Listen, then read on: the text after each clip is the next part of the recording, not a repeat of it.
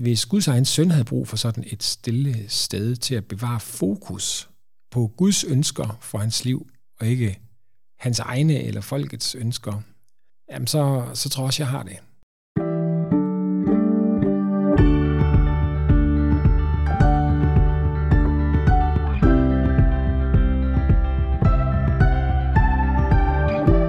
Lytter til podcasten Bible Break, en podcast for bibellæsering, hvor vi læser og diskuterer Bibelen sammen. Jeg hedder Nikolaj, og jeg er vært for podcasten. Og igen i dag sidder jeg over for Morten Hørning, som er professor ved Menighedsfakultetet i Aarhus. Velkommen til, Morten. Tak skal du have. Tak fordi du vil være med igen. Vi er nået til Markus evangeliet kapitel 1, vers 21-39, og jeg starter med at læse teksten. Så kom det til Kapernaum. Da det blev sabbat, gik han straks ind i synagogen og underviste. Og de blev slået af forundring over hans lærer, for han lærte dem som en, der har myndighed, og ikke som de skriftkloge. Netop da var der i deres synagoge en mand med en uren ånd, og han skreg. Hvad har vi med dig at gøre, Jesus fra Nazareth? Er du kommet for at ødelægge os? Jeg ved, hvem du er, Guds hellige. Men Jesus troede af ånden og sagde, Ti stille og far ud af ham. Den urene ånd rev og sled i ham, gav et højt skrig fra sig og for ud af ham. De blev alle sammen så forfærdede, at de sagde i munden på hinanden, Hvad er dette? En ny lærer med myndighed? Selv de urene ånder befaler han over, og de adlyder ham. Og rygtet om ham kom straks ud over alt i Galilea. Og straks de var kommet ud af synagogen, kom de ind i Simons og Andreas' hus sammen med Jakob og Johannes. Simons svigermor lå med feber, og de fortalte straks Jesus om hende. Så gik han hen og tog hendes hånd og rejste hende op, og feberen forlod hende, og hun sørgede for dem. Da det blev aften, og solen var gået ned, kom folk hen til ham bærende på alle de syge og besatte, og hele byen var stemlet sammen ved døren. Han helbredte mange, der led af forskellige sygdomme, og uddrev mange dæmoner, men han tillod ikke dæmonerne at sige noget, for de vidste, hvem han var. Ganske tidligt, mens det endnu var helt mørkt, stod Jesus op, og han gik bort og ud til et øde sted og bad der. Simon og de andre skyndte sig efter ham, og da de fandt ham, sagde de, Alle leder efter dig. Men han sagde til dem, Lad os gå andre steder hen til landsbyerne heromkring, så jeg også kan prædike der. Det er derfor, jeg er draget ud. Så drog han rundt og prædikede i deres synagoger i hele Galilea og uddrev dæmonerne. Morten, i forrige afsnit, der talte vi en del om det her med evangeliet om Jesus Kristus. Og nu bliver det så bekendtgjort, at Jesus ikke bare er Jesus Kristus, men at Jesus er Jesus fra Nazareth. Mm. Hvad skal vi øh, lægge det, at det bliver sagt så tydeligt, at det er Jesus fra Nazareth? Ja, altså det, først og fremmest betyder det, at Jesus han, øhm, han ikke er noget spøgelse. Når man siger det, så er det fordi, at øh, det er disciplinen lige ved at tro lidt senere i Markus evangeliet, hvor han går på vandet, og, og så tror de rent faktisk, det er et spøgelse. Nej, han er en helt konkret person, som kommer fra byen Nazareth op i bjergene. Og det gør jo også, at det derfor må have føltes utrolig provokerende, hvis nogen sagde, han er evangeliet. Det vil sige, det er ham, som er samlingspunktet eller prismet for alt det gode Gud vil gøre, når han udfrier sit folk, som sagt ved Esajas, og altså det her med at bane vejen ud af ørkenen og tilbage til Jerusalem. Og i virkeligheden endnu mere end det, fordi når vi læser Esajas, så er det som om, at den her udfrielse fra fangeskab tilbage til Jerusalem, den sang, den transponeres op i en helt nyt toneleje, som øh, Esajas siger, øh, Gud siger gennem Esajas, at jeg vil ikke bare udfri dig, jeg vil nyskabe dig, jeg vil genskabe dig tilbage til eden. Du skal blive som eden. Det står i Esajas kapitel 51, vers 3. Så det er altså bare, det er den helt store klinge. Vi kan ikke, vi kan ikke forestille os nogen større fortælling i det gamle testamente.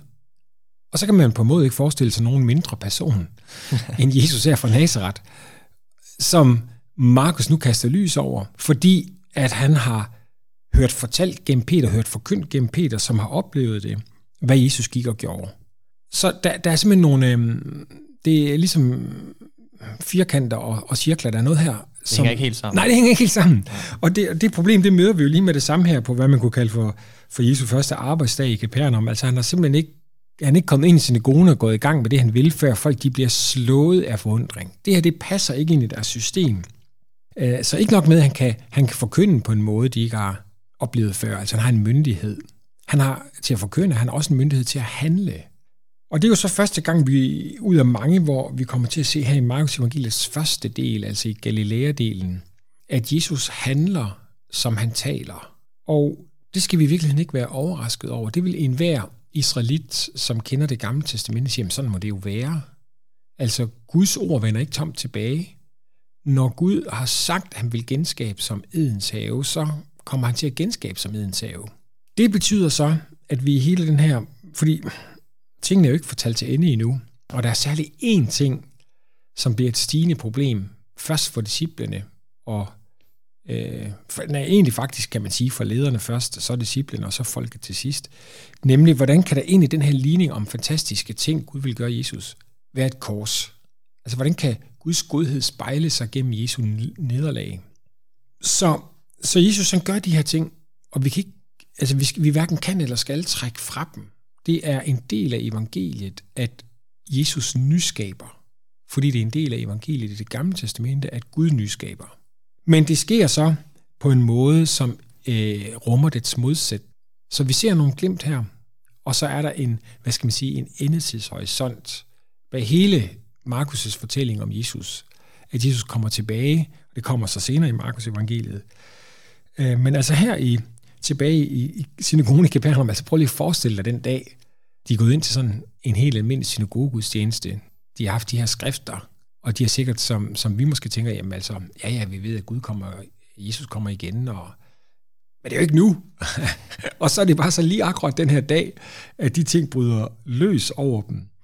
Og de har ikke, altså de har ikke kunne få det til at passe sammen. Det har, det har brudt i deres hoveder. De oplever en kvalitativ forskel, kan man ja, sige, i det, de har været vant til indtil videre. Ikke bare, ikke bare endnu en profet, der er lidt bedre end den forrige. Nej. Simpelthen noget nyt. Ja. Så Jesus, han udlægger ikke bare teksten, men han udlever den. På. Ja, det ja. er en rigtig god måde at sige det på. Han udlægger og udlever på en og samme gang, og derfor så sker der noget nyt den her dag i synagogen.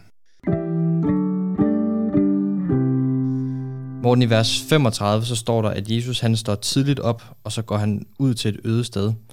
Hvad skal vi lægge det, eller hvad betyder det ligesom, at Jesus han går ud til et øde sted? Det er, det, det er faktisk også noget, jeg har nogle gange gået rundt og tænkt over nede i, i bakkerne der i Galilea. Hvor, hvorfor havde Jesus, Guds søn, brug for et sted til bøn, til stillhed, til refleksion? Jeg tænker, altså det mest enkle og ligefremme svar på det, det er, at Jesus han bliver fristet. Det er han allerede ved her at djævlen ude i ørkenen. Og øhm, her bliver han det. Mm, det er måske lidt implicit, men jeg tror faktisk, han bliver det også her Peter. Ikke? Fordi Peter øh, sover jo, da Jesus han drager ud i ørkenen oven på den her fantastiske første arbejdsdag. Og så er Peter måske vågnet op, øh, knippet sig selv i armen, tænker, er det bare en drøm eller ej? Og så vækker han de andre, og de løber ud efter Jesus og finder ham så uden for byen på et øde sted, og vil have ham med tilbage. Alle leder efter dig siger han. Og hvor Jesus så på sådan lidt en mild måde her, det bliver mere håndfast senere, afviser Peter og siger, vi skal andre steder hen. Altså der er et brud mellem det, som Peter vil, og det Jesus vil. Peter vil bare Jesus med tilbage til Capernaum, som en art Capernaums messias, men Jesus han vil videre ud. Og den, den fristelse i at blive nogens messias, og ikke alles messias, i at blive en messias i herlighed en messias, der trumfer, og ikke en messias, der går på korsets vej og bliver overgivet, for så derigennem at blive alles messias øh, i død og opstandelse.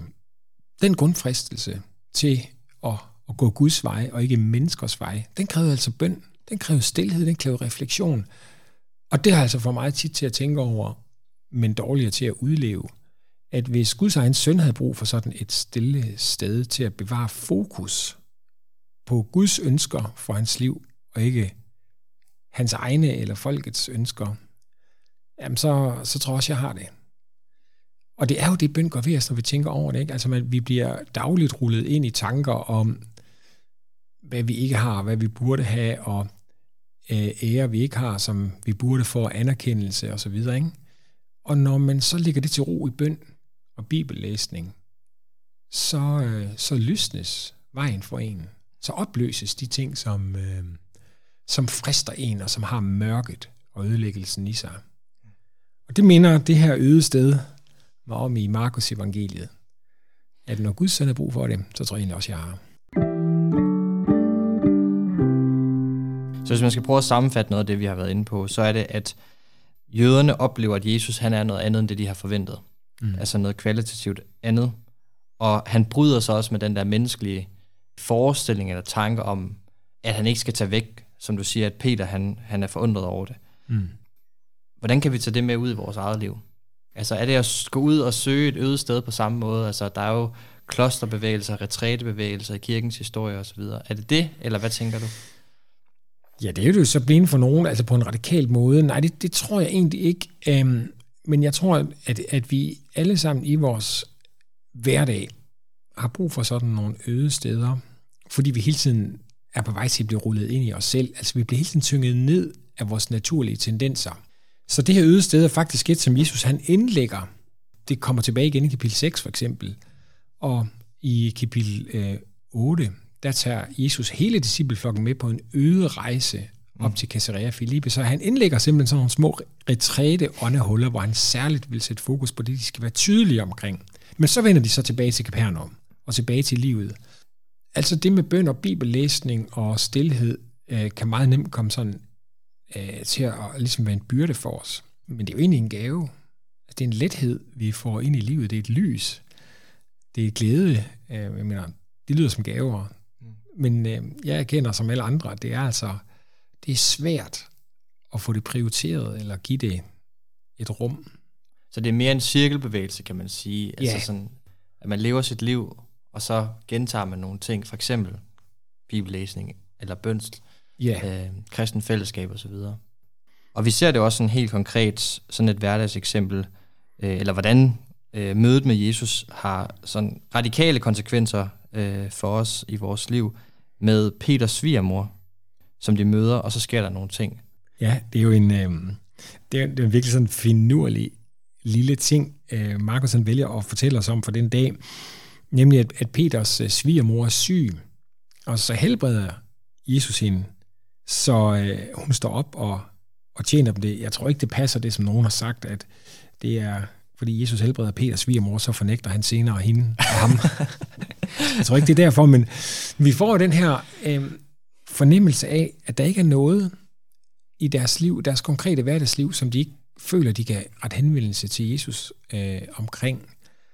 Så hun har været syg. Øh, sabbatsmåltid har været truet.